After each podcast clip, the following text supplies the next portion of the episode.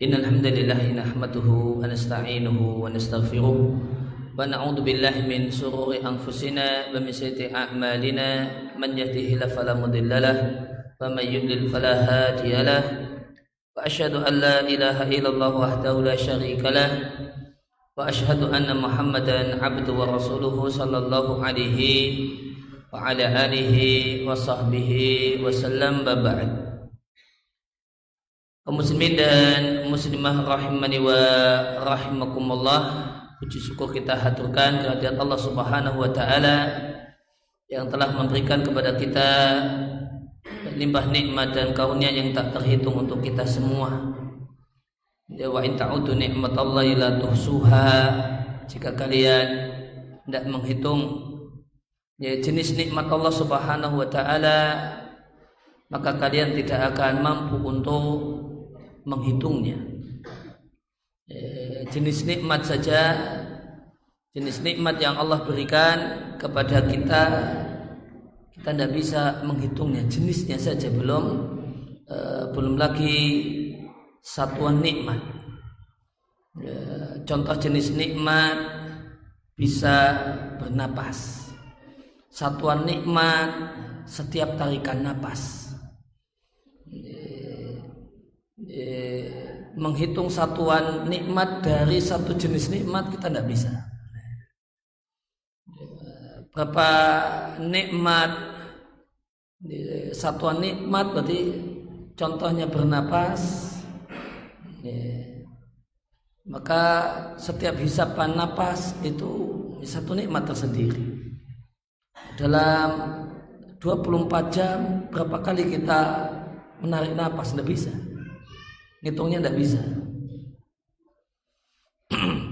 Jenis nikmat yang Allah berikan kepada diri kita ya, jenis nikmat yang Allah berikan kepada diri kita disebut satu-satu di badan kita kita tidak bisa ngitung. Bisa menarik napas itu nikmat. Bisa melihat itu nikmat. Dan setiap yang kita lihat itu terlihat nah itu satuan nikmat. Kita sehari kita melihat apa? Ya, setiap sehari kita melihat apa? Ini satuan nikmat. Coba itu berapa kali kita melihat? Berapa kali kita melihat? Dicatat. Berapa kali kita melihat dalam ya, dalam sehari semalam? Dan bisa ngitung. Maka manusia tidak bisa menghitung satuan nikmat yang ada dalam satu jenis nikmat Bahkan manusia tidak bisa menghitung jenis nikmat yang ada pada dirinya dan yang Allah berikan kepadanya. Bisa melihat, bisa mendengar, bisa mencium bau. Zaman corona, eh, maka terlihat bisa mencium bau nikmat. Bisa kemudian mengunyah makanan itu nikmat. Tidak perlu pakai sundi ya, cukup pakai manual. Itu nikmat. Kemudian dihitung satu-satu jenis nikmat itu sampai pegel kita tidak bisa menghitungnya. Dan satuan nikmat di masing-masing nikmat kita tidak bisa menghitungnya. Ya, bisa mengunyah makanan. Sekali mengunyah nah, itu satu nikmat. Dua kali mengunyah yang kedua nikmat yang kedua sekali masukkan uh, satu suap nasi ke mulut kita berapa kali kita mengunyah? Berapa kali kita menelan? Bisa menelan makanan nikmat. Sekali makan kita makan pagi sarapan nanti makan siang. Berapa kali kita nelan? Nelan makanan. Setiap nelan itu nikmat tersendiri. Setiap menelannya satu nikmat tersendiri Berapa kali dalam sehari semalam kita diberi nikmat bisa menelan makanan. Terhitung. Maka wa in ta'udu nikmatallahi la tuhsuha. Jika kalian hendak menghitung nikmat Allah, kalian tidak akan mampu. Kita tidak mampu menghitung jenis nikmat yang Allah berikan kepada kita. Kita tidak mampu menghitung satuan nikmat yang ada dalam satu jenis nikmat. Gimana kalau semuanya di, diperintahkan untuk dihitung? Seandainya kita diperintahkan untuk menghitung nikmat, maka kita nggak ngapa-ngapain dan itu pun tidak berhasil. Kesimpulannya berapa jumlah nikmat yang didapatkan? Enggak. Kita nggak ngapa-ngapain, nggak bisa ngapa-ngapain, cuma nyatet. Bahkan bisa nyatet itu nikmat. Bisa menulis itu nikmat. Per huruf yang bisa ditulis itu satuan nikmat. Per huruf yang bisa ditulis semuanya bisa. Nulis A ya bisa nulis B bisa nulis C bisa. Per huruf yang bisa kita tulis satuan nikmat. Coba kemudian kita bisa menulis semua huruf kecuali A. Ya, maka itu sudah jadi ya, sudah kehilangan nikmat maka demikianlah nikmat Allah Subhanahu wa taala yang demikian eh, besar untuk kita semua di antara nikmat Allah Subhanahu wa taala adalah eh, kita bisa berkumpul di tempat ini bisa bisa silaturahmi dengan Bapak dan Ibu sekalian di sini dengan adik-adik eh, santri para tulabul ilmi penuntut ilmu di Pondok Pesantren Habibus Salam di Bukit Kemuning ya kabupatennya? Lampung? Lampung Utara. Maka satu nikmat Allah Subhanahu wa taala kita bisa bersua, kita boleh bisa berjumpa. Satu nikmat Allah Subhanahu wa taala. Kemudian salat dan salam semoga senantiasa Allah curahkan kepada suri teladan kita. Nabi Agung Muhammad sallallahu alaihi wasallam, keluarga beliau, para sahabat, demikian juga semua orang yang berupaya untuk meneladani apa yang dia ajarkan hingga hari akhir nanti. Ya, kaum muslimin dan muslimah rahimani wa rahimakumullah. Dan di antara hal yang Nabi ajarkan untuk kita semua adalah Nabi ajarkan kita untuk berlindung dan memohon perlindungan kepada Allah Subhanahu wa taala dari delapan kejelekan. Ya, sebagaimana dalam sebuah hadis dari sahabat Anas bin Malik radhiyallahu taala anhu beliau mengatakan kuntu akhdumu Rasulullah sallallahu alaihi wasallam. Aku melayani aku menjadi pelayan Rasulullah sallallahu alaihi wasallam. Maka sahabat Nabi Anas bin Malik ini menjadi pelayan Rasulullah sallallahu alaihi wasallam selama Rasul di Madinah. Sejak Rasul tiba sampai Rasul wafat itu sahabat Anas bin Malik melayani Nabi Shallallahu Alaihi Wasallam. Berarti berapa lama sahabat Anas bin Malik melayani Nabi? Berapa mas? Nih Hah? Ya. Berapa lama, berapa tahun Anas bin Malik jadi pelayannya Nabi? Hmm? tiga tahun. Selama Nabi di Madinah sejak Nabi tiba di Madinah sampai Nabi wafat. Sepuluh tahun. Sahabat Anas bin Malik itu menjadi pelayan Nabi Shallallahu Alaihi Wasallam selama sepuluh tahun berapa umur sahabat Anas bin Malik ketika mulai melayani Nabi Shallallahu Alaihi Wasallam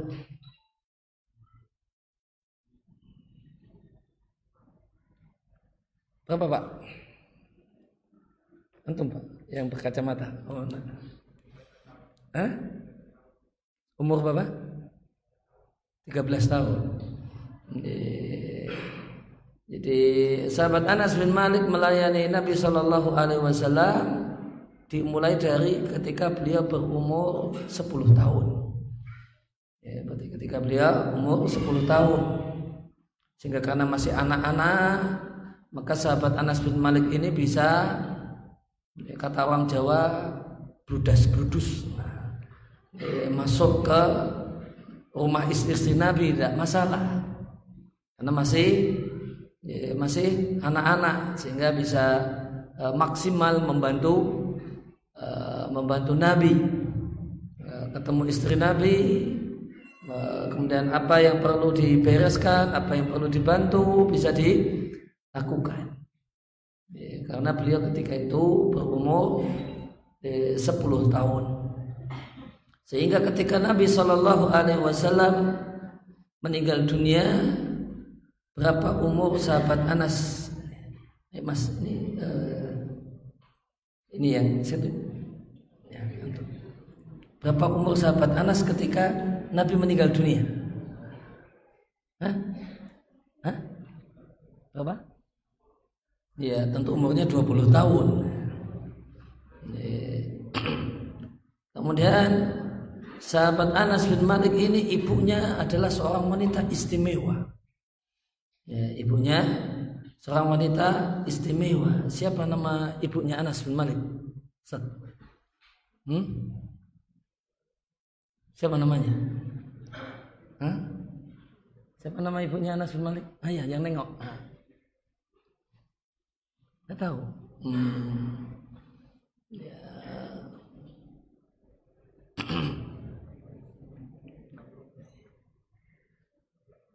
Siapa mas? Namanya ibunya Anas bin Malik. Hah?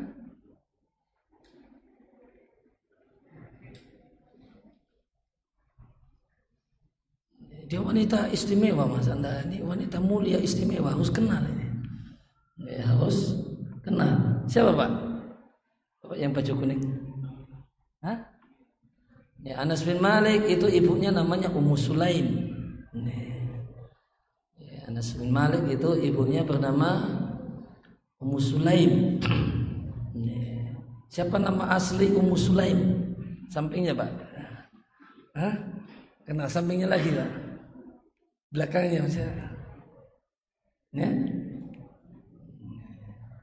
Anas, ibunya Anas bin Malik Ummu Sulaim itu nama aslinya Rumaiso ya, nama aslinya Rumaiso Rumaiso itu pakai Hamzah.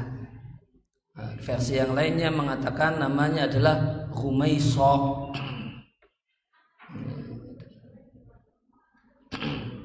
pernah dengar Rumaiso enggak pak? Hah? Rumaiso belum pernah dengar? Itu webnya Sot Abdul itu diambil dari uh, nama de, nama ibunya Anas bin Malik dari namanya Ummu Sulaim nama aslinya adalah Umaiso itu eh, Anas bin Malik yang mulai menjadi pelayan Nabi yang menjadi khatimun Nabi Sallallahu Alaihi Wasallam pelayan Nabi Sallallahu Alaihi Wasallam maka yang namanya menjadi pelayan itu belum tentu hina. Namun tergantung ya, pelayan siapa. Anas bin Malik sangat bangga dengan status sebagai pelayan Nabi Shallallahu Alaihi Wasallam. Ketika beliau setelah Nabi wafat, beliau dilecehkan oleh penguasa ketika itu, gubernur ya, ketika itu itu gubernur ketika itu pernah di bawah kekuasaannya Hajat bin Yusuf ya, kemudian dia melecehkan Anas bin Malik maka Anas bin Malik lapor sama khalifah nulis surat. Ini gubernurmu begini-begini padahal aku adalah pelayan Rasulullah Sallallahu Alaihi Wasallam.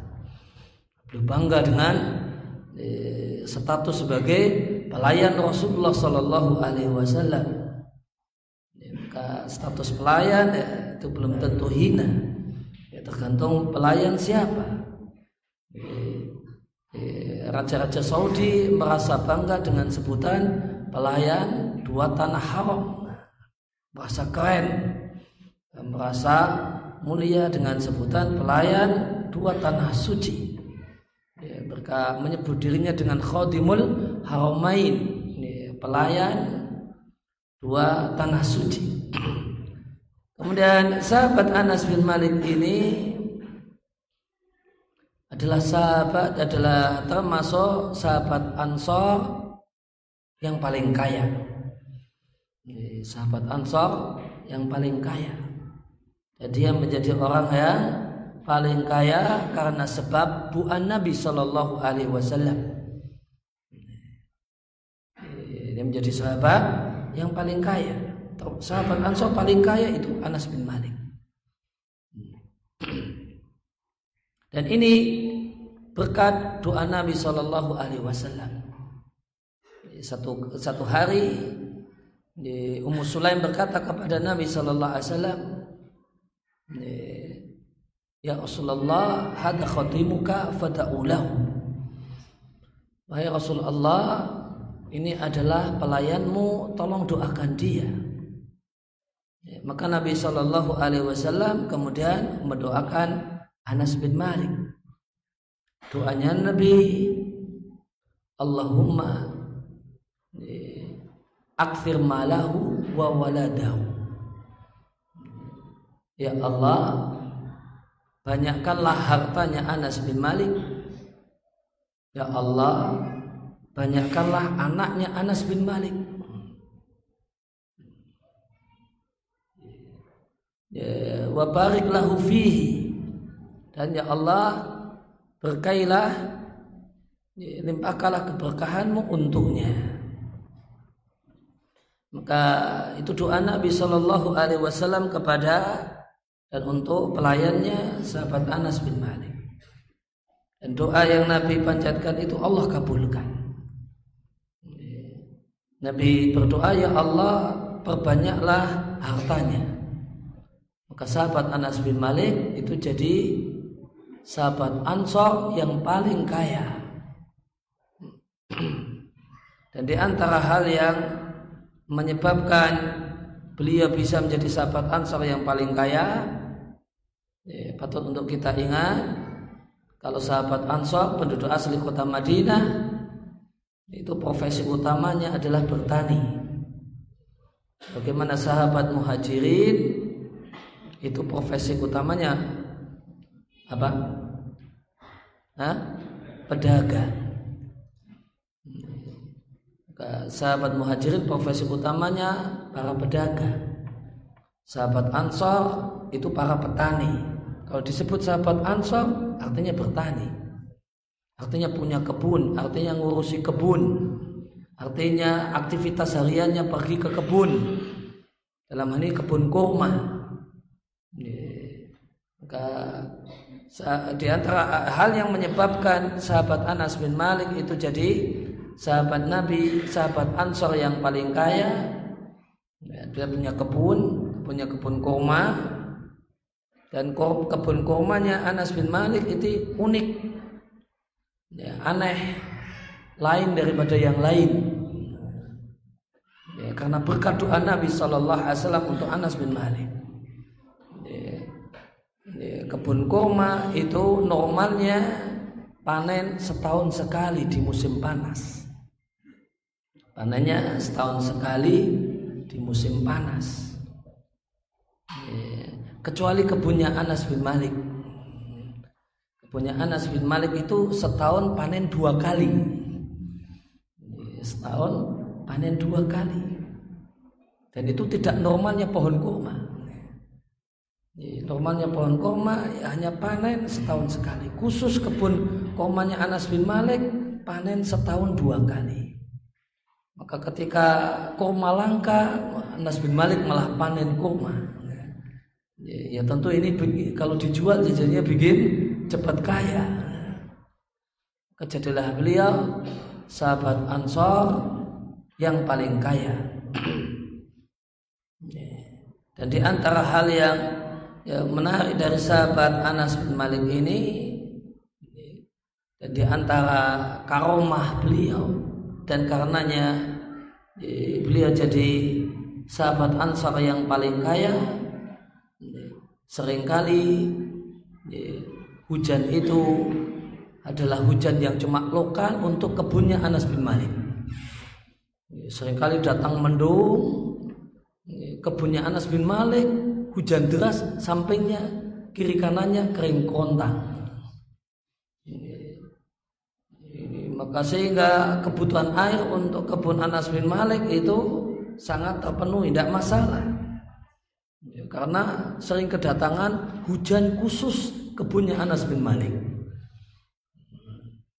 Jadi antara kelebihan dan keistimewaan sahabat Anas bin Malik. Dan Nabi eh, dan Nabi doa, doa Nabi ya Allah perbanyaklah harta Anas bin Malik. Maka ini menunjukkan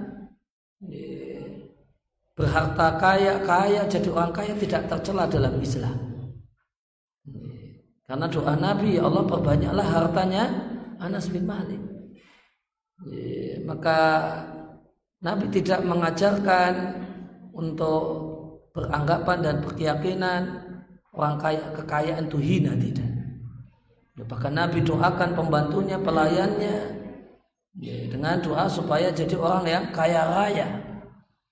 Ya, perbanyaklah hartanya, maka Islam tidak mencela harta ya, dengan semata-mata harta. Ya, dengan semata-mata harta. Ya, bahkan harta itu disebut dalam Al-Quran dengan sebutan al-khair artinya kebaikan. Sebagaimana di surat Al-Adiyah, wa innahu lihubbil khairi la syadid. Dan sesungguhnya manusia itu cintanya dengan harta, harta disebut di bahasa Arabnya al-khair. La syadid adalah cinta yang sangat-sangat besar. Maka harta disebut dengan dengan kebaikan karena dia maka Al-Quran mengajari kita untuk berkeyakinan bahwasannya harta itu sumber kebaikan. Tentu manakala diambil dari jalan yang benar dan dibelanjakan di jalan yang benar. Dan Nabi Shallallahu Alaihi Wasallam menyampaikan dalam hadis yang diatkan oleh Ibnu Majah Nabi katakan La ba'sa bil ghina Tidaklah kekayaan itu berbahaya bagi orang yang bertakwa. Nabi sampaikan kekayaan itu tidak berbahaya bagi orang yang bertakwa. Maka bagi orang yang bertakwa semacam Anas bin Malik, kekayaan itu tidak berbahaya. Karena kekayaan ya, di tangan orang yang soleh itu akan jadi sumber kebaikan. Artinya, namun berarti kekayaan itu berbahaya jika di tangan orang yang tidak bertakwa, yang mengambil dan mendapatkan harta dari cara yang tidak benar dan membelanjakannya juga dengan di jalan yang tidak benar.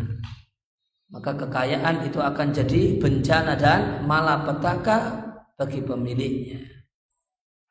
Dan Nabi mendoakan Anas bin Malik dengan mengatakan wa akfir waladahu. Ya Allah, perbanyaklah anaknya. Maka hal ini menunjukkan bahasanya banyaknya anak itu tidak tercela. Punya anak banyak itu tidak boleh malu. Ketika orang itu anaknya banyak, jangan kemudian ditanya orang berapa anaknya karena banyak akhirnya malu ya adalah gitu ya adalah gitu karena malu untuk menyebutkannya karena banyak. Maka tidak boleh malu. Ya, tidak kemudian boleh merasa jelek merasa hina karena punya banyak anak. Bahkan itu doa kebaikan Nabi untuk Anas bin Malik. Ya Allah perbanyaklah anaknya. Dan Allah Subhanahu wa taala pun mengabulkan doa Nabi sehingga sehingga Anas bin Malik itu punya anak ini belum cucu punya anak lebih dari 100 nah, saya nggak tahu kemudian istri berapanya tapi uh, anak beliau itu lebih dari 100 itu belum cucunya itu belum cucunya. Dan eh, Nabi Shallallahu Alaihi Wasallam disampaikan Allahumma aksir malahu wa waladahu Ya, kemudian Nabi juga mengatakan dan berdoa wa'atil umroh dan panjangkanlah umurnya. Bariklah fihi dan limpahkanlah keberkahanmu kepadanya. Ya, karena doakan untuk panjang umur. Ini menunjukkan bahasanya doa panjang umur dan doa dan mendoakan panjang umur tidak tercela. Dan lebih bagus disarankan agar doa panjang umur itu dilengkapi dengan panjang umur dalam kebaikan. Ya, maka semoga maka misalnya kita katakan semoga Allah berikan kepada kita umur panjang dalam ketaatan, umur panjang dalam kebaikan, satu hal yang tidak tercela. Karena Nabi mendoakan Anas bin Malik agar diberi umur panjang dan Allah pun mengabulkannya umur Anas bin Malik itu lebih dari 100 tahun. karena Allah Subhanahu wa taala mengabulkan doa nabinya. Bapak dan Ibu kaum muslimin dan muslimah rahimani wa rahimakumullah, maka sahabat Anas bin Malik radhiyallahu taala anhu beliau mengatakan aku melayani Rasulullah sallallahu alaihi wasallam Ya, kullama nazala setiap kali beliau singgah di satu tempat, maka sahabat Anas bin Malik yang menyediakan keperluan airnya, menyediakan tempat istirahatnya, apa yang Nabi perlukan itu e, dibereskan, diberesi semua oleh Anas bin Malik. Fakuntu asma'uhu yakthu ayyakul maka aku mendengar beliau sangat sering berdoa dengan kalimat berikut ini memohon perlindungan dari delapan kejelekan. Allahumma inni a'udzubika minal hammi wal hazan. Wal minal wal ajzi wal kasal. Wal bukhli wal jubni. Wa dila'id atau wa dhala'ud daini wa ghulabati rijal. Ya Allah aku berlindung kepadamu dari delapan kejelekan dari delapan keburukan Nabi berlindung dari sesuatu maka itu menunjukkan sesuatu itu satu hal yang jelek sesuatu itu yang buruk. Apa delapan keburukan itu? Minal hammi wal hazan. Ya Allah aku berlindung kepadamu dari al-hammi dari kerisauan kecemasan untuk sesuatu yang belum terjadi sesuatu yang terjadi di masa depan wal hazan dan larut dalam kesedihan larut dalam kesedihan berkenaan dengan apa yang telah terjadi di masa silam. Maka eh, ini ada dua penyakit psikologi, penyakit kejiwaan. Ada orang itu punya problem kejiwaan, terlalu cemas dengan sesuatu yang belum terjadi. Kekhawatiran berlebihan, ketakutan yang berlebihan, ketakutan tanpa dasar nanti jangan-jangan terjadi begini, jangan-jangan terjadi begitu.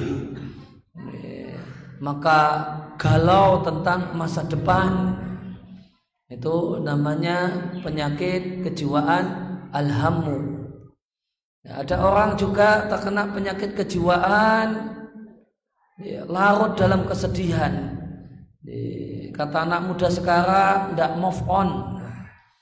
Ya, itu yang hal yang bikin sedih masih dipikirkan, dipikirkan, eh, tidak kemudian bisa bangkit dari kesedihannya, larut dengan kesedihannya, eh, tidak bisa bangkit-bangkit, eh, maka larut dalam kesedihan sehingga dipenjara oleh masa lalunya, pikirannya terpenjara memikirkan masa lalu, sehingga ya, mau beraktivitas itu malas ya, ya, karena maunya cuma duduk mojo memikirkan kesedihannya.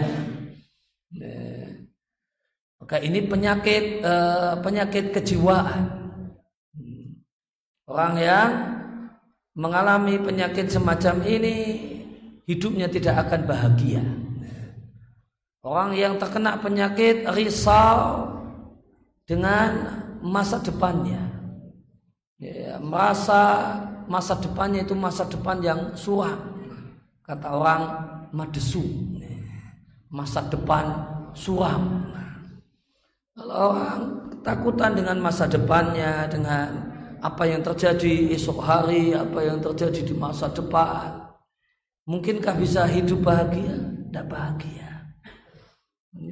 Karena cemas memikirkan masa depan. Demikian juga al-hazan orang yang terpenjara oleh masa lalunya orang yang tidak bisa move on dengan kesedihannya, dengan penderitaannya, selalu saja kepikiran, sampai-sampai kemudian depresi, sampai-sampai e, kurus kering badannya karena makan tidak enak, tidur tidak nyenyak, kepikiran, kepikiran. Apakah orang itu bisa hidup bahagia? Tidak bisa hidup bahagia. Demikian juga Nabi berdoa minal ajzi wal kasal berdoa agar terlindung dari ketidakmampuan untuk melakukan hal yang semestinya dilakukan dan seorang itu uh, tidak bisa melakukan apa yang semestinya bisa dia lakukan boleh jadi karena al ajiz ya, boleh jadi karena ketidakberdayaan, ketidakmampuan atau kasal, mampu namun malas. Maka ini satu keadaan yang buruk yang Nabi berdoa dan minta kepada Allah agar terlindung darinya. Wal bukhli wal jubni. Dan Nabi berlindung dari ya, sifat ya, bakhil, pelit, wal jubani dan penakut kemudian wadila ini dan utang yang menumpuk sehingga tidak bisa melunasinya. Wa ghalabati rijal dan hidup tertindas. Oleh sejumlah orang-orang yang zalim dan menindasnya. Demikian adalah hadis yang diatkan oleh Al-Bukhari. Maka di sini hadis doa ini berdasarkan hadis yang sahih yang ada dalam Sahih Bukhari. Bapak dan Ibu sekalian rahimani wa rahimakumullah. Maka Nabi Shallallahu alaihi wasallam dalam hadis ini Nabi Shallallahu alaihi wasallam uh, meminta perlindungan kepada Allah Subhanahu wa taala dari berbagai macam kejelekan yang semestinya seorang hamba meminta perlindungan darinya dan dan keadaan ini delapan kejelekan ini itu akan menghambat ya, kesuksesan manusia dan akan menghambat dan menghalangi kebahagiaan hidup manusia. Orang yang terkena penyakit-penyakit dan keburukan yang ada dalam delapan hal ini hidupnya tidak akan bahagia hidupnya akan menderita. Dan orang yang mengalami salah satu dari delapan hal yang Nabi sebutkan dalam doanya ini, dia tidak akan menjadi manusia yang sukses. Manusia yang sukses, manusia yang bahagia adalah orang yang terbebas dari delapan kejelekan dan keburukan ini. Dan dari delapan kejelekan ini itu berpasangan berpasangan kecemasan untuk memikirkan masa depan kemudian ya, tidak move on dari masa silam nah, ini satu jenis. Demikian juga malas dengan ketidakmampuan itu juga sejenis dan seterusnya.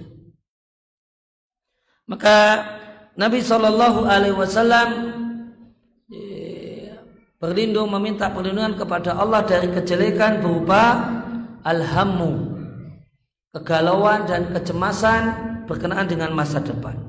Falhamu yata'allaqu bil mustaqbal. Maka yang namanya penyakit kejiwaan alhamu ya, cemas khawatir tentang masa depan maka ini berkenaan dengan masa depan.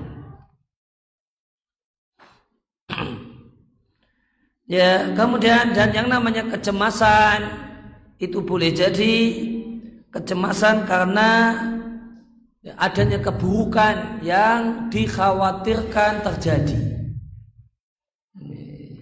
Maka alhamu, kecemasan, kekhawatiran itu ya, ada dua macam.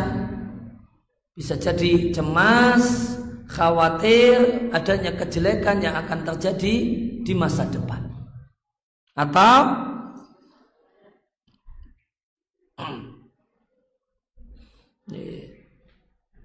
kemudian khawatir dan cemas, khawatir dan takut tidak mendapatkan apa yang ingin didapatkan dan ingin diraih di masa depan. Demikian juga al-hazan, larut dalam kesedihan. Maka yang namanya kesedihan itu berkenaan dengan masa sekarang atau dengan masa lalu. Dan boleh jadi sedih Sedih itu terjadi dikarenakan adanya keburukan yang terjadi atau adanya kebaikan yang tidak didapatkan di masa silam. Ya, maka itu yang bikin orang itu sedih. Sedih itu boleh jadi karena ya, apa yang eh, apa yang dikhawatirkan terjadi di masa silam. Orang kehilangan anak yang dicintai, kehilangan. Orang yang dicintai, orang tua yang disayangi, istri dan suami yang dicintai dan disayangi. Sedih karenanya. Kehilangan e, yang sesuatu yang dicintai.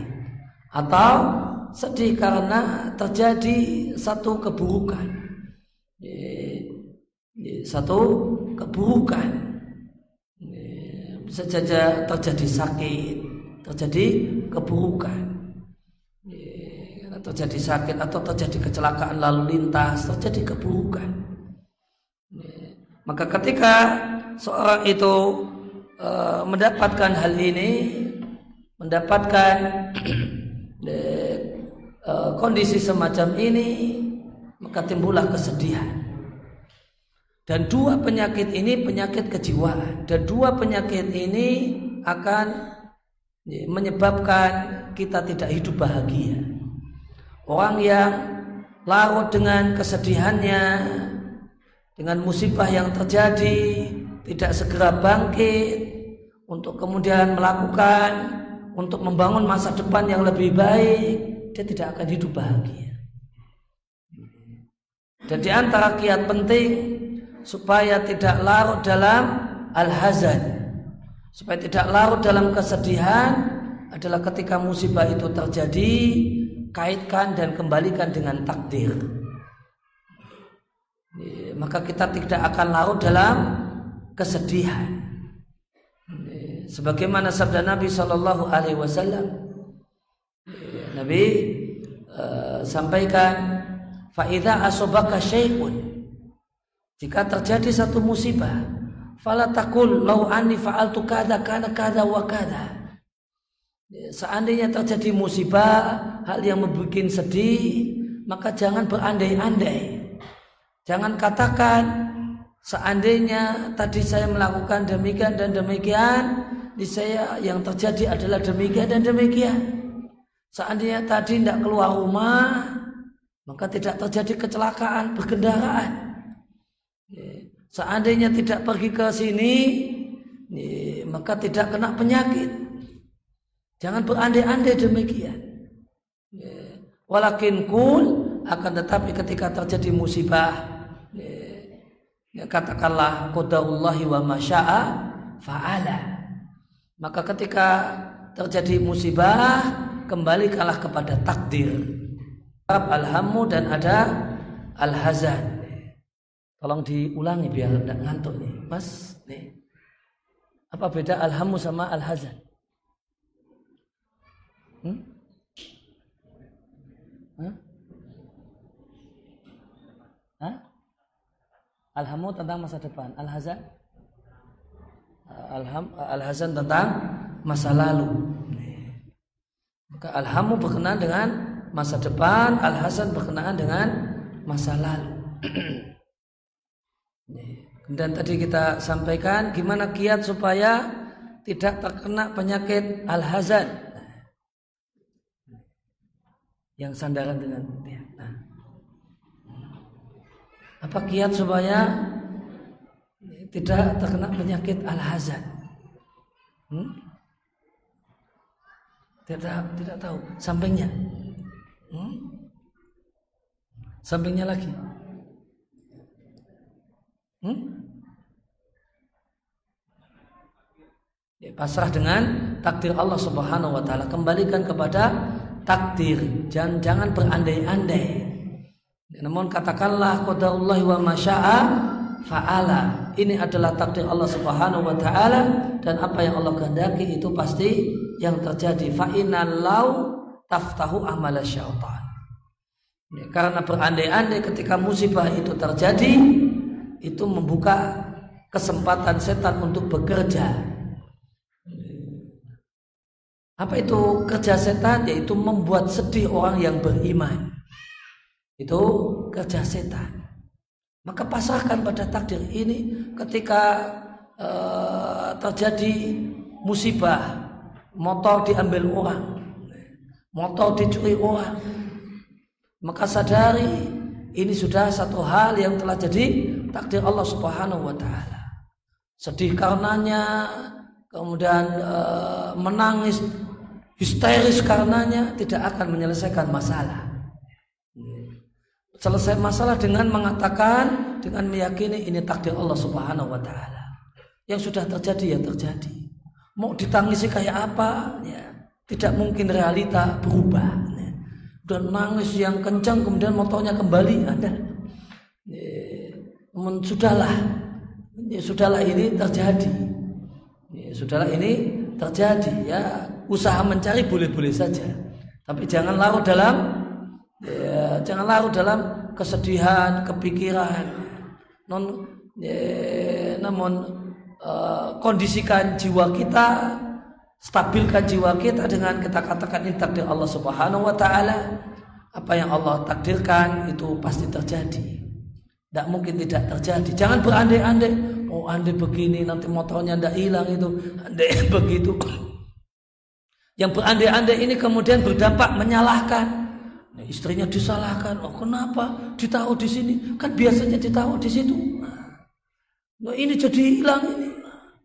Ya, akhirnya sudah musibah motor hilang, ditambah musibah cekcok sama istri. Nah, itu gara-gara berandai-andai berandai-andai kemudian menyalahkan orang lain ya. akhirnya kemudian musibahnya double-double ya. musibahnya kuadrat ya, dikarenakan berandai-andai akal ak akar permasalahannya karena berandai-andai namun jika kemudian disikapi dengan pasrah dengan takdir Allah Subhanahu wa taala ya sudah ya, tidak ada pihak-pihak yang disalahkan tidak perlu berandai-andai dan tidak perlu menyalah-nyalahkan. Tidak perlu cari kambing hitam atau cari kambing putih, tidak perlu. Sudah ini takdir Allah Subhanahu wa taala. Motor yang hilang gampang, dealer masih banyak, hanya di dealer masih banyak, tinggal dicari lagi, cari duit lagi. Nanti malah Allah ganti dengan yang lebih baru. Dengan pergi ke dealer motor. Maka selesai masalah. Selesai masalah. Demikian sebagaimana firman Allah Subhanahu wa taala ketika Allah menjelaskan tentang e, manfaat beriman dengan takdir. Allah sampaikan di surat Al-Hadid, "Likaila ta'sau ala ma fatakum wa tafahu bima atakum." Apa manfaat beriman dengan takdir Allah? Manfaat beriman dengan takdir Allah itu kata Allah memiliki dua manfaat besar. Yang pertama adalah likaila taksau ala ma fataku. Supaya kalian tidak sedih dengan apa yang tidak kalian dapatkan. Sesuatu yang tidak didapatkan, sesuatu yang hilang, itu tidak larut dalam kesedihan. Karena beriman dengan takdir. Orang yang tidak beriman dengan takdir, itu akan larut dalam kesedihan. Orang yang tidak pasrah dengan takdir, ketika terjadi musibah dia akan laut dengan kesedihannya dan manfaat yang kedua mengimani takdir Allah Subhanahu wa taala kata Allah wala tafahu dan kalian tidak sombong dengan nikmat yang kalian dapatkan. Karena orang yang beriman dengan takdir ketika mendapatkan nikmat, ketika sukses, ketika kaya, ketika eh, ketika kemudian eh, belajarnya eh, kemudian sukses dalam belajar, maka dia akan mengatakan itu semua semata-mata kemudahan dan karunia Allah Subhanahu wa taala. Itu semua semata-mata anugerah Allah Subhanahu wa taala. Bisa mendapatkan pencapaian semacam ini ya karena Allah mudahkan, karena Allah takdirkan. Seandainya tidak Allah takdirkan tidak dapat ini. Tidak bisa punya harta semacam ini, tidak bisa sukses studi seperti ini. Ini bisa diraih karena semata-mata ditakdirkan oleh Allah Subhanahu wa taala diberi kemudahan diberi karunia oleh Allah Subhanahu wa taala. Itu dua eh, manfaat beriman dengan takdir. Apa Pak tadi Pak e, manfaat iman dengan takdir? Ya, apa itu?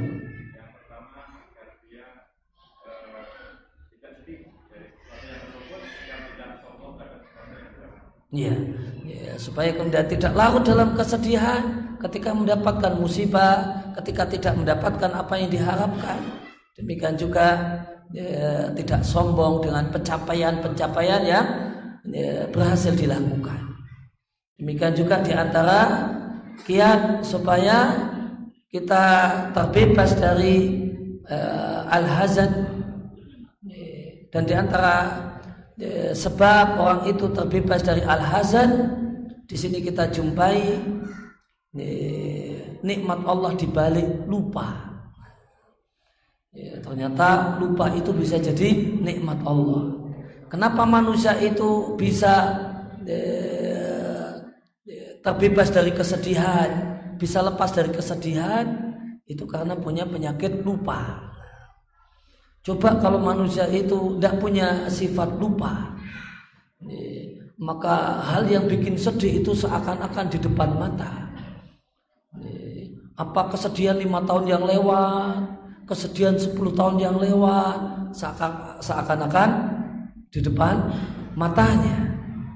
Akhirnya sedih terus. Istri yang dicintai meninggal dunia, anak yang disayang meninggal dunia.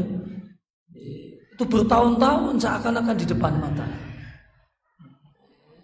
Maka yang terjadi adalah kesedihan dan kesedihan. Dan kiat supaya cepat lupa, nah berarti supaya segera terbebas dari kesedihan adalah gimana supaya cepat lupa. Maka orang itu kita itu akan mudah untuk cepat lupa, melupakan kesedihan manakala kita sibukkan diri kita dengan hal yang bermanfaat. Di antara hal yang bikin sedih itu tidak hilang-hilang kalau tidak beraktivitas cuma duduk saja nanti sambil buka album sambil lihat foto maka sedih lagi sedih lagi. Tapi jika sibukkan diri dengan hal yang eh, hal yang manfaat sibuk beraktivitas. Seorang seorang istri yang sedih karena ditinggal mati oleh suaminya. Maka nanti punya kewajiban untuk menjalani Ya, masa ya, berkabung. ya, berapa lama itu mas? Berapa lama? Hah? tiga bulan? Kurang tepat. Berapa lama pak? Masa berkabung ist ah yang noleh. Ya. Hah? berapa pak? Hah? tiga bulan yang depannya pak? Hah? Seorang wanita ketika ditinggal mati oleh suaminya itu dalam agama kita ya, memiliki dua kewajiban. Ya, ada namanya kewajiban untuk iddah, tidak boleh menikah. Dan ada kewajiban ihdah, menunjukkan diri berkabung, menunjukkan diri berduka dan itu sama dan itu sama waktunya sama. Masa berkabung karena ditinggal mati oleh suami itu sama dengan masa menunggu yang selama itu tidak boleh menikah lagi belum boleh menikah. Yaitu empat bulan sepuluh hari. Empat bulan sepuluh hari.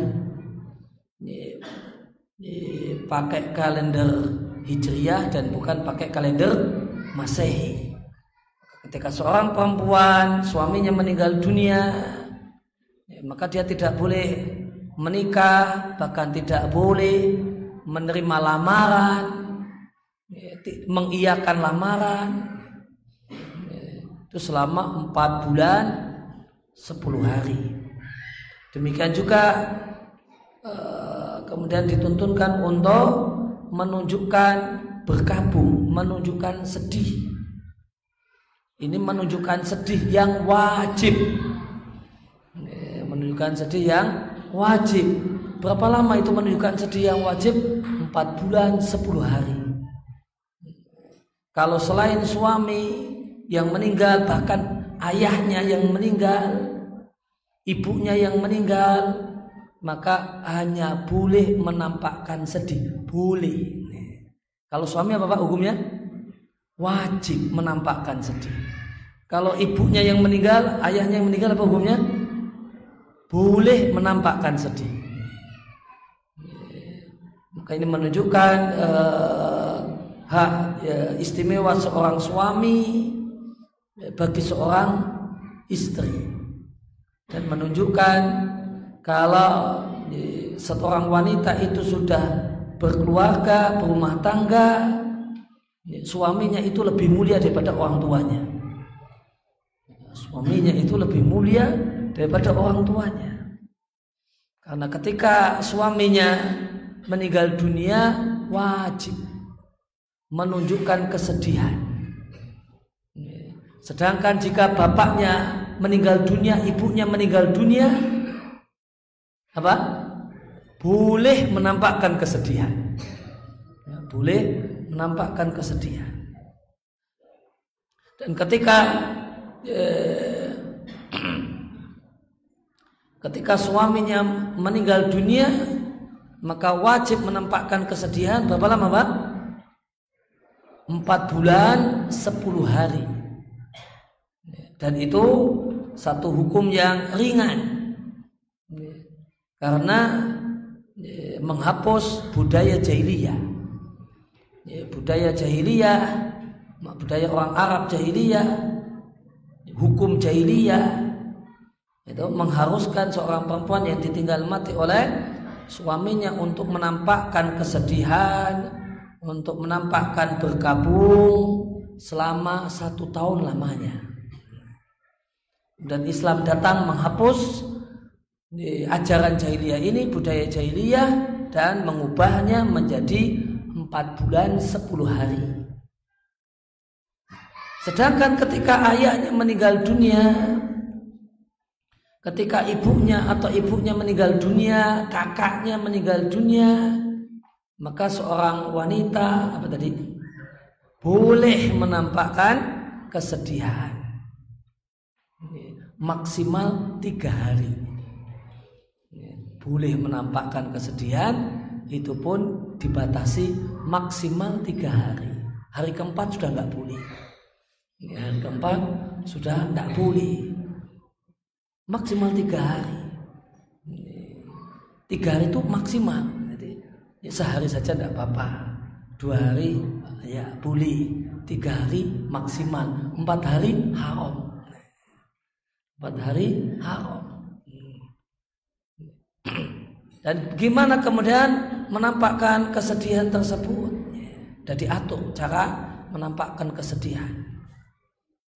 Menampakkan kesedihannya bukan nangis tiap hari bang selama empat bulan sepuluh hari itu nangis. Tidak kalau tidak nangis kemudian cari bawang nah, supaya nangis tidak jadi menampakkan kesedihannya dengan tidak boleh ya, kemudian melakukan hal yang wajarnya dilakukan oleh perempuan ketika bahagia dan senang Ketika perempuan itu bahagia dan senang, suka berdandan. Suka berdandan, pakai yang wangi-wangi, pakai yang ini karena senang.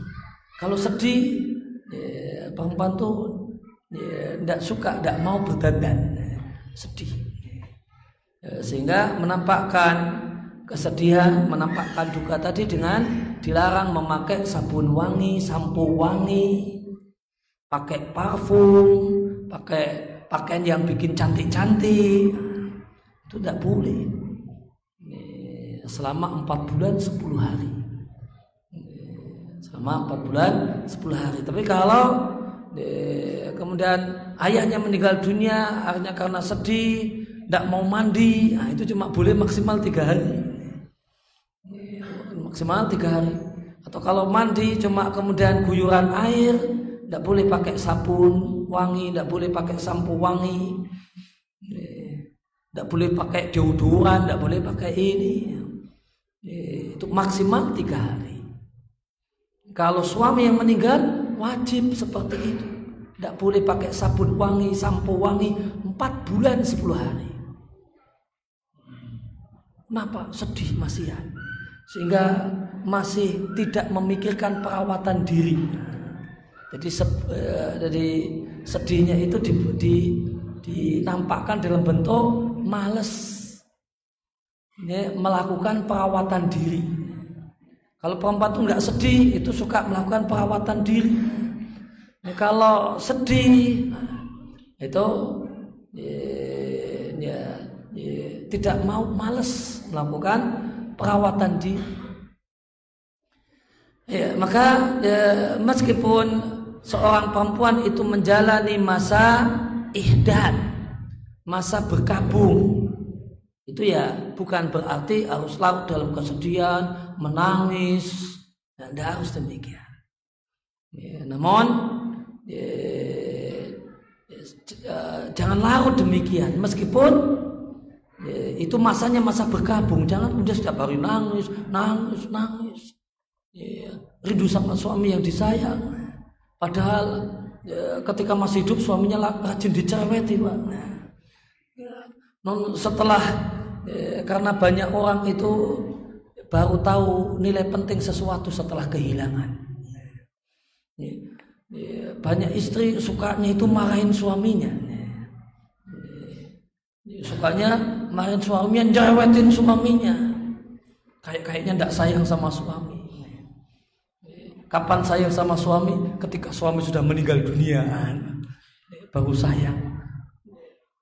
Baru kemudian tahu nilai pentingnya suami. Demikian juga sebagian sebagian suami itu apa-apa mengeluhkan istrinya istri saya begini istri saya begini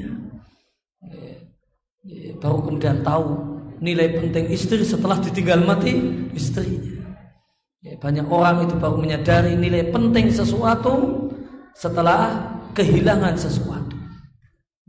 Kita baru menyadari ternyata jalan kaki itu bernilai penting.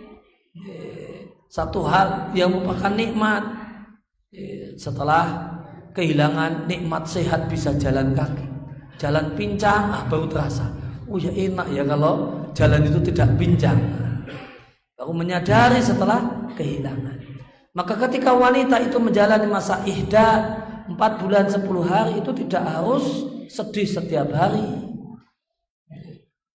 Namun hendaknya diisi dengan aktivitas beres-beres rumah, masak dan seterusnya. Dengan aktivitas tersebut maka e, tidak terlalu memikirkan tidak terlalu memikirkan musibah yang terjadi. Karena sibuk dengan aktivitas, maka cepat mudah lupa. Ya, maka berkenaan dengan masalah mengobati kesedihan, ya, mengobati kesedihan, ya, maka di antaranya adalah dengan perbanyak aktivitas yang manfaat sehingga mudah untuk lupa dengan kesedihan tersebut. Dengan itu kita akan bisa melihat indahnya dunia kita akan bisa hidup bahagia. Demikian juga ya, kita perlu mengobati alham kegalauan Menghala, jangan gak ketakutan dengan masa depan. Kemudian dihantui oleh madesu masa depan suam. Maka gimana supaya ketakutan ini, kekhawatiran ini tidak menguasai diri kita? Ya, maka di antara kiat utamanya adalah tawakal dan pasrah kepada Allah Subhanahu wa taala. Yakin benarnya apa yang Nabi katakan, apa yang Allah firmankan, wa may yatawakkal 'ala Allah fahuwa hasbuh. Siapa yang sungguh-sungguh tawakal kepada Allah, pasrah sama Allah, maka Allah akan bereskan segala macam ketakutannya, kekhawatirannya. Itu akan Allah bereskan. Demikian juga ya, ketakutan, kekhawatiran dengan masa depan itu akan akan hilang manakala ya, kita menghadirkan pada diri kita sejumlah nama-nama Allah Subhanahu wa taala. Kita itu punya Tuhan yang maha kaya. Kita itu punya Tuhan yang maha penyayang. Dia itu sayang dengan kita. Dia bukan benci dengan kita. Dan dia maha kaya. Semuanya itu miliknya. Ya, semuanya itu miliknya. Kenapa kita cemas? Kenapa kita khawatir? Dan dia itu maha perkasa. Tidak ada yang sulit baginya. Dan kita diberi oleh Nabi doa. Diberi oleh Nabi ajaran untuk berdoa meminta kepadanya. Tidak akan ada yang dan dan ketika Allah Subhanahu wa taala mengabul dan tidak mustahil bagi Allah, tidak sulit bagi Allah untuk mengabulkan doa-doa kita. Maka dengan menghadirkan nama-nama Allah ini, Allah itu Maha Penyayang, Allah itu Maha Kaya, Allah itu Maha Perkasa, Allah itu mengabulkan doa, Iblis saja doanya Allah kabulkan. Obi angdirni ila yaumi yub'atsun. Ya Allah bila aku mau panjang sampai hari kiamat. Qala innaka minal mungdharin. Ku kabulkan kata Allah. Engkau orang yang berumur panjang sampai hari kiamat. Iblis saja berdoa dan Allah kabulkan. Maka maka kenapa kita tidak kenapa kita ragu untuk berdoa dan takut untuk dan khawatir tidak Allah kabulkan doa-doa kita. Iblis saja berdoa Allah kabulkan. Maka dengan ini kita tidak akan larut dalam kecemasan, tidak larut dalam ke kekhawatiran. Kemudian Bapak dan Ibu sekalian, eh, selanjutnya adalah al-ajiz wal kasal. Ya, ya, ketidakmampuan untuk melakukan kebaikan, melakukan hal yang manfaat, wal kasal dan malas. Maka ini semuanya adalah sifat yang jelek. Ya. Dan ini berkaitan dengan masalah perbuatan yang semestinya kita lakukan. Orang itu akan beruntung, orang itu akan bahagia jika melakukan hal-hal yang harusnya yang semestinya dilakukan. Maka kita akan jadi orang yang beruntung, kita akan jadi orang sukses. Kalau apa yang seharusnya dilakukan, dilakukan. Orang itu celaka, orang itu sengsara ketika apa yang seharusnya dilakukan tidak dilakukan. Yang seharusnya belajar tidak mau belajar atau tidak belajar ini akan jadi sebab ya, kesengsaraan, akan jadi sebab derita.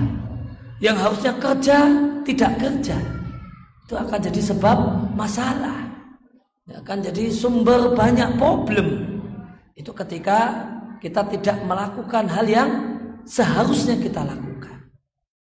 Dan penghambat utama penghambat utama melakukan hal yang seharusnya dilakukan adalah dua hal ini orang itu tidak melakukan apa yang seharusnya dia lakukan boleh jadi karena al-ajiz ketidakmampuan.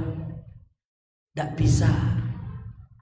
Yang kedua orang itu tidak melakukan hal yang semestinya dia lakukan boleh jadi karena malas.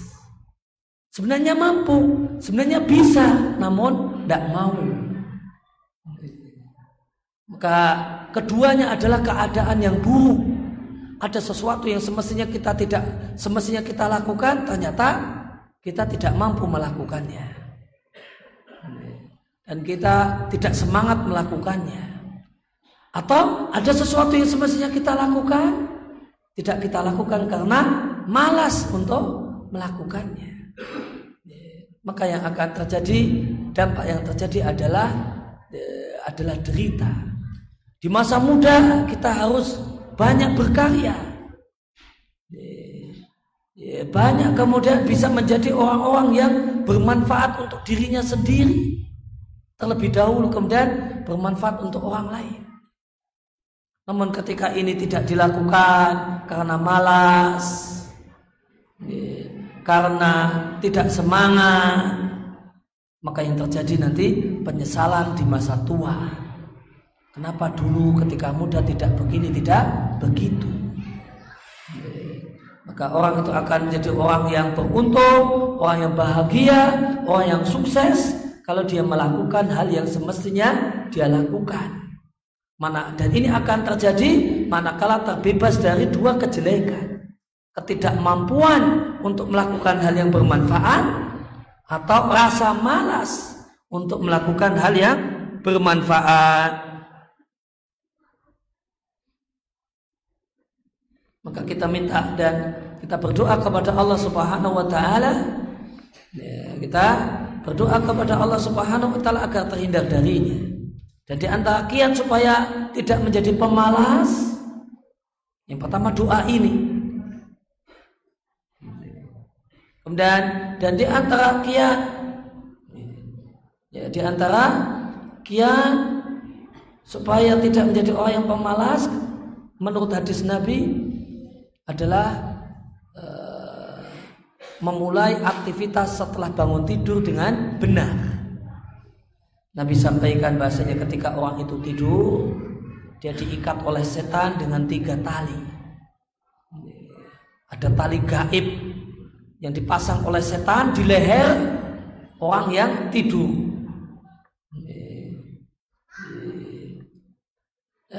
Dan kata Nabi Shallallahu Alaihi Wasallam ketika bangun tidur orang itu baca doa maka lepaslah satu ikatan.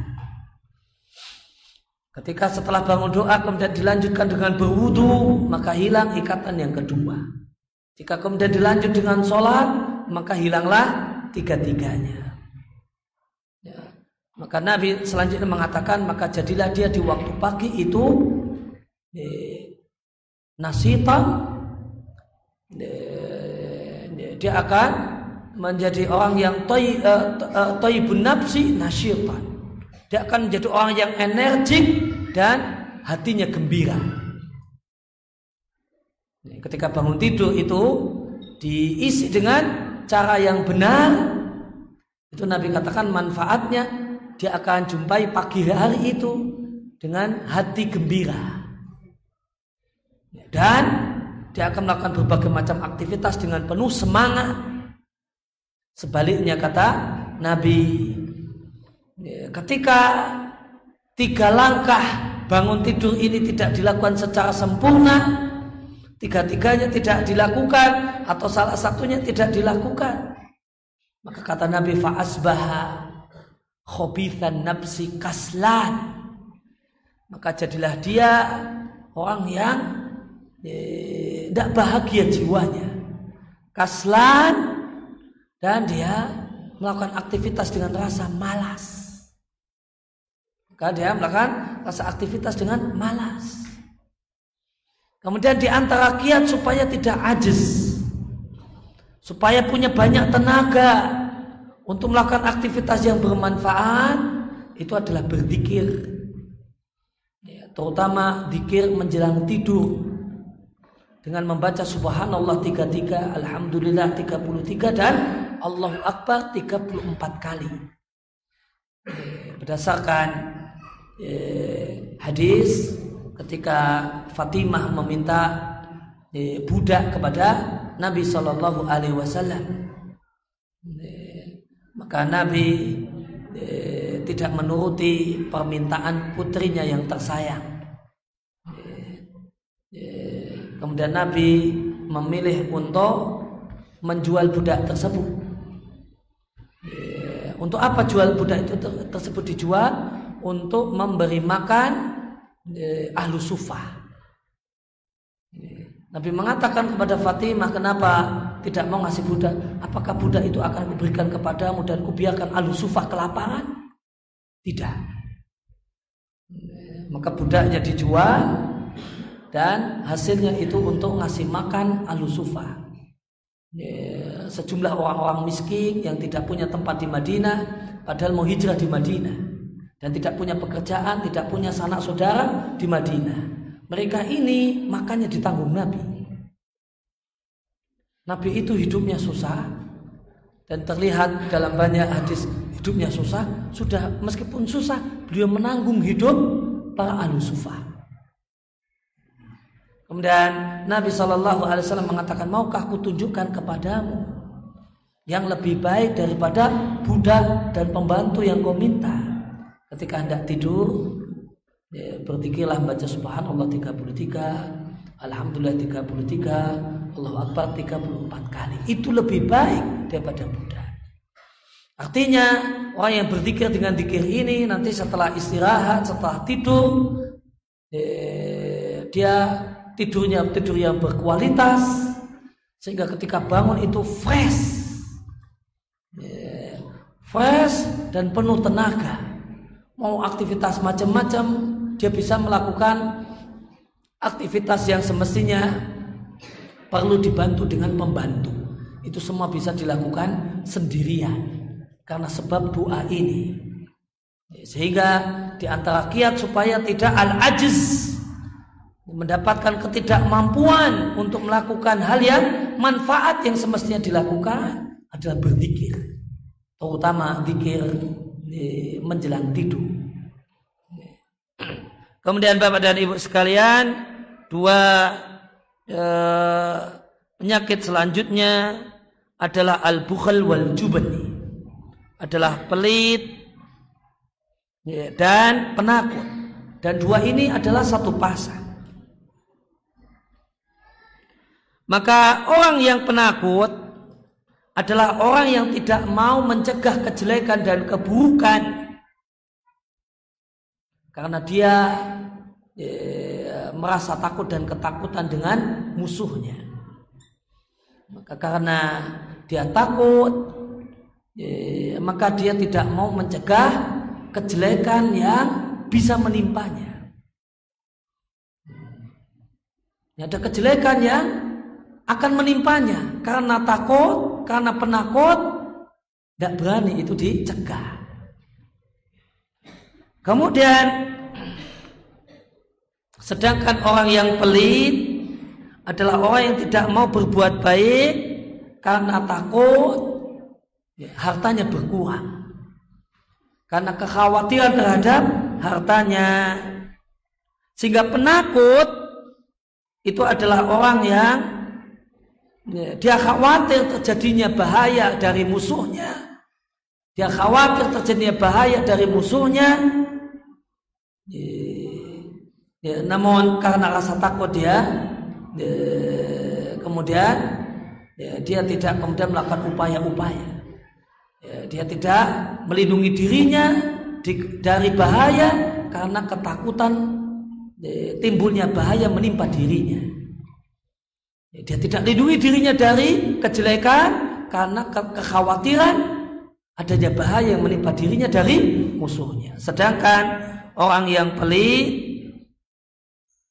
ya, sedangkan orang yang pelit, maka dia adalah orang yang khawatir hilangnya nikmat dan manfaat dari dirinya. Jadi ini satu jenis. Sama-sama orang yang khawatir sama-sama orang yang khawatir. Orang yang pelit itu mengkhawatirkan hilangnya nikmat dari dirinya. Mengkhawatirkan habisnya hartanya, mengkhawatirkan hilangnya nikmat dan manfaat dari dirinya. Sedangkan orang yang penakut itu khawatir bahaya musuh, bahaya orang yang membencinya, orang yang mengganggunya, dan karena khawatir bahaya, maka dia tidak mau ya, melakukan tindakan ya, untuk yang itu bisa menyelamatkannya dari keburukan.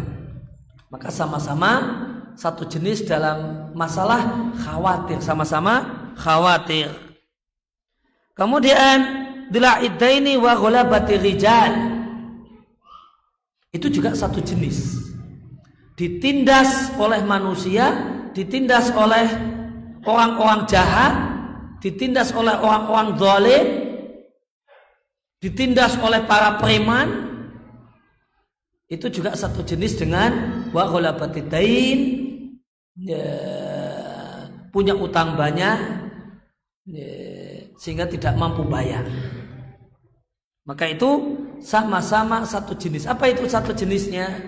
Dua hal ini. Sama-sama orang yang kalah sama-sama orang yang kalah kalau Dola adain itu orang yang kalah ya, ya, karena satu tekanan dan tekanan tersebut adalah tekanan yang benar.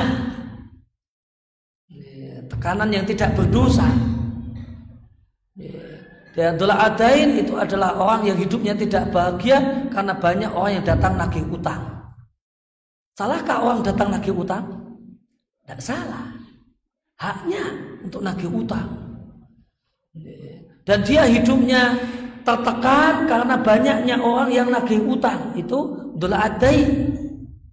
Maka dia hidup tertekan dan orang yang menekannya itu tidak salah. Itu dola adai. Sedangkan kohri rijal itu adalah orang yang hidupnya tertekan. Dalam keadaan orang yang menekan itu adalah orang-orang yang zalim dan dia adalah orang yang berdosa dan salah dengan perbuatannya menekan kita. Ketika orang itu hidup dalam penindasan preman, dosakah preman ini dengan melakukan intimidasi macam-macam? Dosa. Itu dosa. Mereka salah dengan perbuatannya. Dampaknya kita hidup tertekan. Sehingga dua kejelekan yang terakhir itu sejenis, sama-sama hidup tertekan. Ada yang hidup tertekan dan tidak salah orang yang menekan, karena banyaknya orang yang nagih utang. Dan ada orang yang hidupnya tertekan dalam keadaan orang yang menekan itu salah dan berdosa. Maka Orang yang hidup bahagia adalah orang yang hidup di, bebas dari keadaan tertekan. Kalau ingin hidup bahagia, eh, jangan hidup dalam posisi tertekan. Orang itu hidupnya tidak akan tertekan kalau tidak punya utang. Kalau hidupnya itu, kalau hidup itu penuh dengan utang, utangannya tambahnya utang ribawi, dan utangan bank, nah itu hidupnya tertekan. Hidupnya penuh dengan tekanan. Setiap mau tanggal 20, setiap mau tanggal 20, wah maka stresor itu demikian banyak ini bikin stres. Ketika detik-detik menjelang tanggal 20, nah itu makan jadi tidak enak, ya, tidur tidak bisa nyenyak, ini belum punya duit ini untuk membayar setoran untuk bayar setoran. Maka apa nikmatnya sepertinya kendaraannya mewah namun ternyata tidak bahagia. Karena di bawah tekanan gara-gara utang. Ya, namun kendaraan sederhana, kendaraan biasa namun bebas utang. Enak. Apa gunanya springback empuk namun itu utangan? Apa yang kemudian ya, ya, yang kemudian kita dan stres karenanya ya, ketika tiba masa untuk bayar angsuran itu lebih nikmat ya, tidur kemudian di atas tikar ya, namun bisa ngorok karena tidak punya utang ya, bisa ngorok nyenyak tidur nyenyak karena uh, tidak punya utang demikian juga ya, kita kemudian berada dalam kemudian apa nikmatnya hidup ketika kita berada dalam kondisi ditekan oleh banyak orang zalim. Maka hidup akan bahagia jika bisa bebas dari hal ini. Boleh jadi dengan pindah tempat, bisa jadi dengan uh, dengan kemudian uh, melakukan kemudian perlawanan dan sebagainya yang memungkinkan untuk dilakukan. Karena hidup di bawah tekanan itu menderita. Dan ya, di antara ya, kiat supaya tidak hidup di bawah tekanan yang ini bisa bikin hidup tidak bahagia. Habis menikah jangan hidup sama mertua. Ya, habis nikah itu jangan hidup sama mertua. Ya, namun hidup mandiri meskipun ngontrak sederhana, namun bisa merdeka. Mau bebas mau ngapain eh, tanpa ada tekanan. Hidup bersama mertua, ada boleh jadi kita dapat lirian-lirian mata yang bikin tekanan batin. Eh, apalagi masih makannya masih numpang, ngambil lauk kok ada yang lirik, aduh, gak enak. Ya. Lauknya enak, nampas ngambil, ibu mertua aduh. Itu kata orang Jawa ndak kolu itu. Nah, apa nikmatnya? Gitu. Apa nikmatnya? Kemudian ya, rumahnya rumah mertua indah pak mewah pak. Tapi mau istirahat sebentar itu ada yang komentar pak. Ini kok suamimu kok malas akhirnya. Dan suaranya dikeraskan lagi agar, agar yang di kamar dengar ini. Ini bolak-balik tidur, ini kemata sudah tidur, ini tidur lagi. Ngomong sama anak perempuannya sambil dikerasin pak. Ini bolak-balik tidur sambil dikerasin itu pak. Itu tidur nggak bisa jadi tidur. Istirahat bisa jadi istirahat dalam tekanan mertua pak. Ya, dalam tekanan mertua. Demikian juga ketika ya, ketika istri itu seorang perempuan itu ya, hidup bersama mertuanya. Ya, ya, mau kemudian dalam keadaan hamil muda apa-apa tiduran apa-apa tiduran ibu mertua komentar ini istrimu ini pemalas. Dan itu sambil dikeras-keraskan. Apa cuma hamil kayak gitu dan tidak tidur istirahat istirahat. Ya, dan karena ibu itu menimbangnya pakai dirinya. Ibu itu hamil itu ya tetap ke kebun, ini tetap masak. Istrimu itu anak manja. Nah,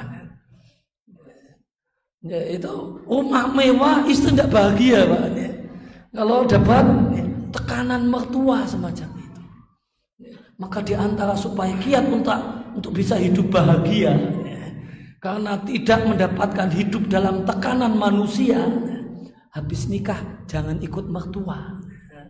Itu pesan untuk para ya, jomblo yang mau nikah. Ini wasiat saya. Ya. Ya ya, siapkan untuk hidup mandiri, ngontrak, sederhana itu lebih nikmat karena merdeka daripada rumah mewah laut wah ya, namun dalam hidup dalam tekanan lirian yang bikin tekanan senyuman kecut yang bikin bikin tekanan ya, komentar-komentar yang rasanya menusuk hati sampai tulang ya. Maka lebih baik merdekakan diri ya, ya, dari bawah tekanan dengan ya, tidak hidup bersama mertua. Maka hidup bersama mertua itu tidak PMA pondok mertua indah. Namun ya, pondok mertua susah. Nah, ya demikian itu. Delapan kejelekan delapan keburukan yang Nabi ajarkan kita untuk berdoa minta kepada Allah agar kita terbebas darinya. Dan siapa yang terbebas dari darinya? Maka dialah orang yang beruntung, dialah orang yang mulia, dialah orang yang berbahagia. Semua kita ingin hidup mulia, ingin hidup sukses, ingin hidup berhasil, ingin hidup bahagia, maka di antara kiatnya adalah sadari bahasanya inilah delapan bentuk keburukan dan bebaskan dari kita dari delapan bentuk ya, dari delapan keburukan tersebut. Demikian sallallahu ala Nabi Muhammadin wa ala alihi washabihi wasallam wa akhiru da'wana alhamdulillahi alamin. Saya kembalikan ke moderator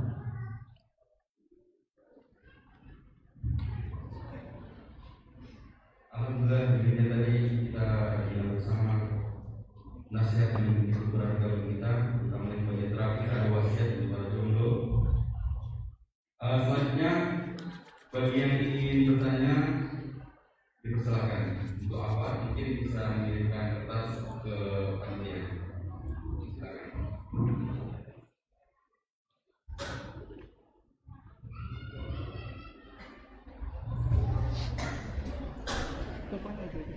Yang bertanya mendekat ke arah mic sambil agak pegang apa itu sambil ya dipegang aja nggak apa-apa sambil berdoa di satu Assalamualaikum warahmatullahi wabarakatuh. Waalaikumsalam warahmatullahi wabarakatuh. Tadi Ustadz menjelaskan tentang idah untuk masa untuk seorang istri.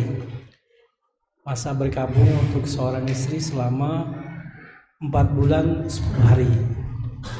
Yang ingin saya tanyakan di sini, adakah masa berkabung untuk seorang suami? Hanya itu pertanyaan saya, Ustaz. Iya. Assalamualaikum warahmatullahi wabarakatuh. Assalamualaikum. Masa berkabung atau masa idah?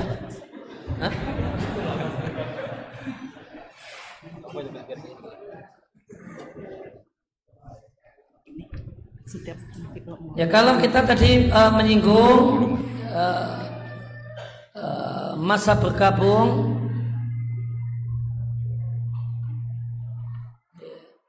ya, masa berkabung dan uh, ya, masa idah tidak boleh menikah. Masa tunggu untuk uh, boleh menikah bagi uh, perempuan maka ada pertanyaan ya, apakah ya, ada masa idah untuk laki-laki jawabannya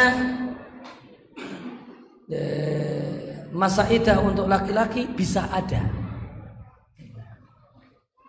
bisa ada tapi eh, eh, kalau perempuan pasti punya masa idah. Kalau laki-laki ada di situasi tertentu memiliki kewajiban masa idah. Masa idah laki-laki itu ada dalam dua keadaan. Tidak boleh menikah. Tidak boleh menikah. Itu ada dalam dua keadaan. Yang pertama ketika dia bercerai dengan istrinya kemudian mau menikahi adiknya. Maka tidak bisa langsung. Bis cerai kemudian nikah sama adiknya tidak bisa. Adik perempuan itu dia harus tunggu sampai masa idah istrinya selesai sampai masa idah istrinya selesai baru boleh nikah sama adik istri Kemudian yang kedua, ketika ada seorang laki-laki punya empat orang istri. Kemudian salah satunya dia cerai, kemudian mau nikah dengan wanita kelima. Maka tidak bisa langsung. Dia harus menunggu selesainya masa idah istrinya yang dia cerai. Baru boleh menggenapkan angka jadi empat lagi dengan menikah dengan perempuan yang kelima. Tidak boleh, tidak bisa langsung. Itu masa idah eh, laki-laki. Ya, masa wajib menunggu tidak boleh menikah. Tapi kalau keadaannya di luar keadaan itu, eh, maka tidak ada keharusan untuk dan tidak ada larangan untuk menikah. Kemudian masa bergabung, adakah tidak uh, masa berkabung untuk laki-laki jamin tidak ada. Masa berkabung itu adalah hak laki-laki, hak laki-laki, hak seorang suami untuk menunjukkan mulianya dan istimewanya seorang suami bagi seorang istri. Dan itu kemudian bagian dari uh, sebagaimana yang Nabi sampaikan uh, lau amartu ahadan an ayasjuda li ahadin la lama artul mar'ata an tajuda li zawjiha seandainya aku boleh ya, seandainya aku boleh uh, memerintahkan manusia untuk sujud kepada manusia sujud hormat pada manusia yang lain Misalkan aku perintahkan seorang perempuan untuk sujud hormat dengan suaminya. Maka untuk menunjukkan mulianya suami, maka ada aturan berkabung. Jadi suami yang punya hak dalam hal ini. Ya, oleh karena dan ini menunjukkan betapa betapa istimewanya kedudukan suami ya, bagi seorang istri. Sehingga dalam Ya, sehingga dalam aturan Islam ketika perintah dan permintaan suami itu berbeda dengan perintah dan permintaan istri uh, uh, orang tua maka istri yang salehah wanita salehah akan mendahulukan permintaan suaminya daripada orang tuanya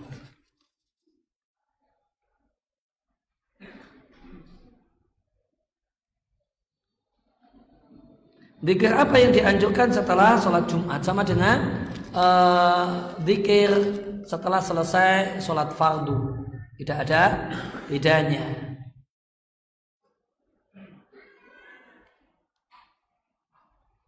Apakah meninggal dunia dengan cara bunuh diri itu termasuk takdir? Semua yang terjadi di Jakarta Raya ini semuanya dengan takdir.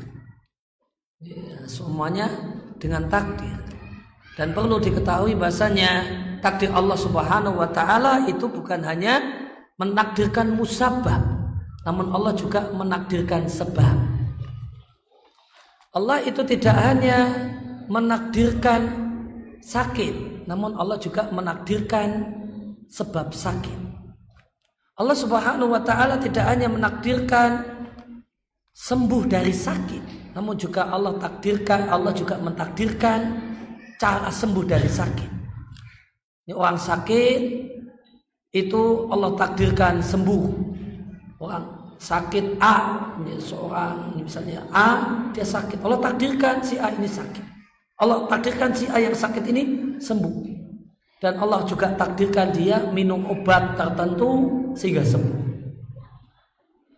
Maka yang sembuhnya itu takdir Allah, minum obatnya juga takdir Allah. Takdir Allah bukan hanya sembuhnya, namun sembuhnya sembuh dari sakit itu takdir Allah, minum obat A, obat tertentu juga takdir Allah Subhanahu wa taala. Sehingga mati itu Allah takdirkan, sebab mati cara mati juga Allah takdirkan. Allah takdirkan seorang itu uh, misalnya si A itu mati dan dia mati dengan bunuh diri. Dua-duanya Allah takdirkan. Allah takdirkan si A itu mati dan Allah takdirkan dia mati karena tersesat di hutan karena naik gunung. Nah, semuanya Allah takdirkan, dua-duanya Allah takdirkan. Namun takdir Allah Subhanahu wa taala ini takdir Allah Subhanahu wa taala ini tidak bertentangan dengan kewajiban untuk melakukan usaha. Takdir Allah itu satu hal yang Allah tetapkan dan usaha itu satu hal yang Allah syariatkan. Seorang muslim meyakini takdir itu tidak bertentangan dengan syariat. Hal yang Allah takdirkan itu Allah takdirkan. Takdir itu sesuatu terjadi dengan takdir Allah.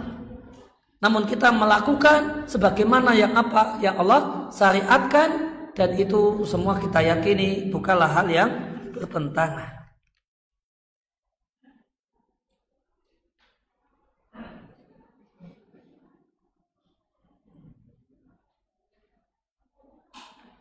Berkenaan dengan pentingnya suami di mata seorang istri melebihi orang tuanya.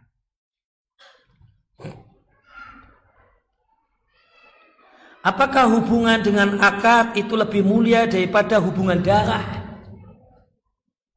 Jawabannya kalau akad adalah akad nikah, jawabannya iya. Dalam Islam. Dalam Islam Hubungan disebabkan akad nikah. Itu menyebabkan keadaan yang lebih lebih mulia daripada hubungan darah. Dengan pengertian hubungan anak dan orang tua. Dan yang dimaksudkan dengan hubungan akad nikah hubungan antara istri dan suami. Karena yang Nabi katakan seandainya aku diperbolehkan untuk memerintahkan manusia sujud kepada manusia sujud hormat kepada manusia yang lainnya. Maka yang akan Nabi katakan seandainya itu diperbolehkan istri kepada suaminya.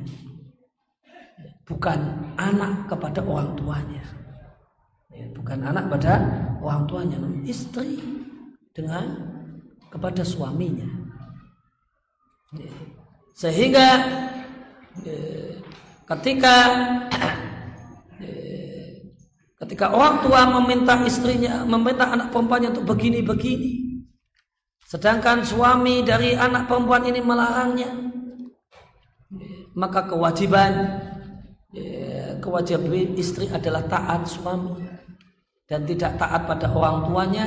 Namun itu bukan berarti menentang orang tuanya. Ya, tidak taat di sini dalam bentuk ya tidak dilakukan. Tidak perlu kemudian e, berbicara di depan orang tuanya saya tidak mau pak. Nah itu enggak. Tidak taat itu bukan berarti membangkang. Jadi tidak ditaati perintah orang tua. Namun bukan berarti ya, berhadapan dengan orang tua. Dengan mengatakan saya nggak mau, nah, gitu enggak. Orang tua memerintahkan, ya, diem saja.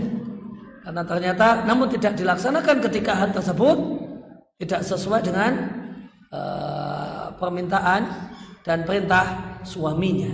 Namun tentu suami itu ditaati ada batasannya.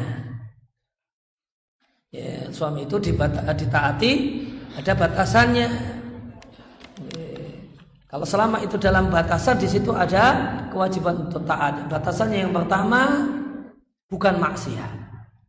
Kalau perintah suami untuk bermaksiat tidak boleh taat. Suami kemudian ya, ngajak datang ke uh, acara pesta nikah namun ya, diajak tapi jangan pakai kerudung nah, misalnya. Ya, saya ingin memamerkan dirimu yang cantik pada teman-temanku. Nah, Nanti cantiknya kurang kalau pakai kerudung, tidak boleh ditaati. Ya, tidak boleh ditaati karena ini maksiat. Kemudian yang kedua dalam batas kemampuan istri. Fatakullah mastata'tum Allah katakan di surat At-Taghabun ayat yang ke-16. Bertakwalah kalian kepada Allah semaksimal kemampuan kalian. Kalau itu dulu kemampuan di seseorang, di kemampuan kemampuan istri ya, tidak boleh eh, dipaksa untuk itu. Maka ketika misalnya istri itu fisiknya lemah, kalau nyuci pakaian manual masuk angin, karena fisiknya lemah. Setiap kali ya, cuci pakaian bersentuhan dengan air selama sekian jam pasti masuk angin. Maka ketika suami memerintahkan untuk nyuci pakaian manual, istri tidak wajib taat. Karena itu di luar kemampuannya. Sakit terus. Nanti nyuci sekali, masuk anginnya dua hari. Nyuci lagi, masuk anginnya tiga hari. Tidak kuat. Maka istri mengatakan saya mau nyuci tapi pakai mesin cuci. Saya laksanakan permintaan untuk cuci kalau pakai mesin cuci saya nggak kuat nggak mampu kalau e, nyuci manual tidak salah tidak, e, tidak taat adalah masalah ini. Kemudian yang ketiga dalam batas kewajaran. Kalau itu satu hal yang yang diminta itu wajar maka e, wajib dilaksanakan. Tapi kalau tidak wajar ya tidak wajib dilaksanakan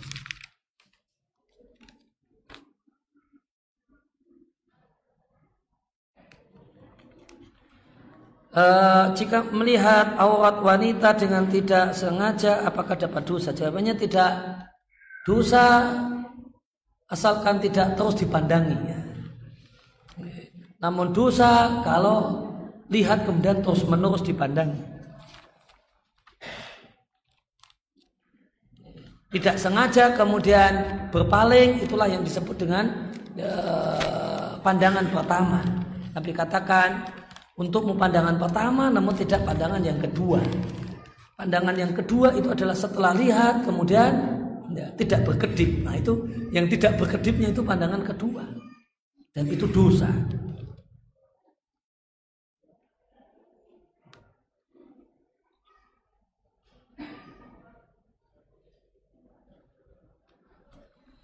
Bagaimana cara menghadapi tetangga yang sering me, mengganggu dengan suara yang keras, menyetel sesuatu dengan suara yang keras hingga binggar. Ya, setiap malam berjudi jika dinasihati malah tertawa atau cuek.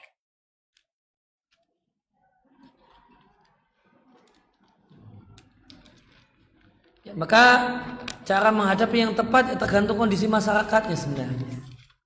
Kalau di masyarakat di mana organisasi organisasi sosial itu berjalan dengan baik, maka bisa menggunakan eh, fungsi organisasi sosial. Ada Pak RT, ada Pak RW, ada kepala dusun.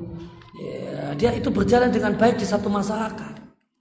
Ya, maka bisa minta bantuan ya, melalui ya, organisasi ya, masyarakat ini supaya memberikan tekanan kepada uh, orang semacam ini supaya menghentikan perbuatannya mengganggu tetangga. Itu kalau organisasi, organisasi sosial di satu kampung itu berjalan. Ya. Kalau kemudian organ, ya, dan itu sebenarnya organisasi sosial itu dibuat ya supaya ini berjalan fungsi kontrol sosial bisa berjalan. Tetapi kalau pelaku tetangga yang ditanyakan itu malah Pak RT-nya, ya kan? Ya, ya, atau malah kepala dusunnya, ini berarti ya tidak mungkin pakai cara tersebut. Ya. Ya, maka ya, ya pilihannya ya, coba kita inventarisir apa cara-cara yang memungkinkan dan tidak melanggar syariat adalah masalah ini.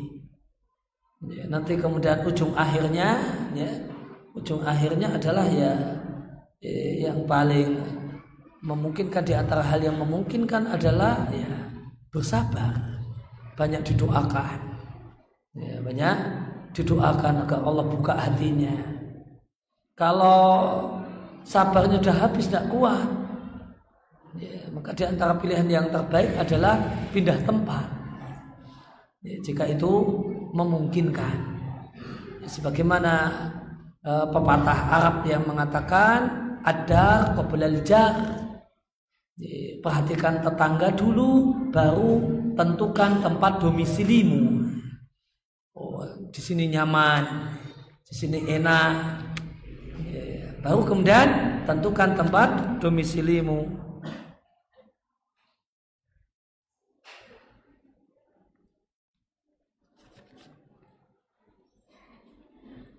uh, tentang hadis yang mengatakan ada peristiwa di mana malaikat Jibril menjelaskan tentang pintu-pintu neraka. Pintu neraka diperuntukkan untuk umat Muhammad. Beliau sedih sampai pingsan. Uh, saya tidak tahu hadis yang dimaksudkan.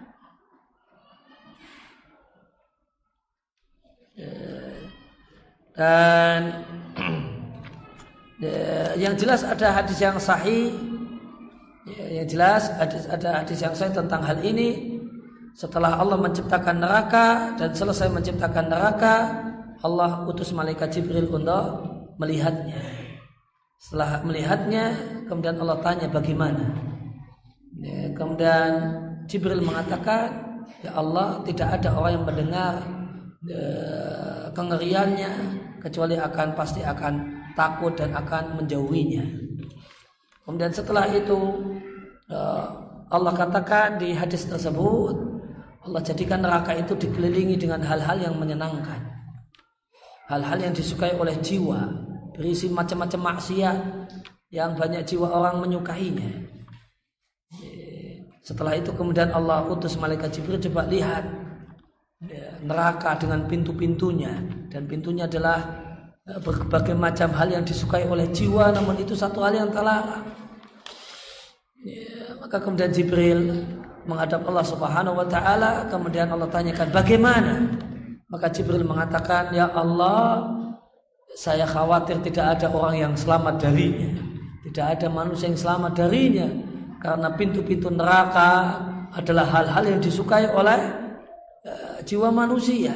Berbagai macam bentuk dosa yang orang itu suka dengan suka melakukannya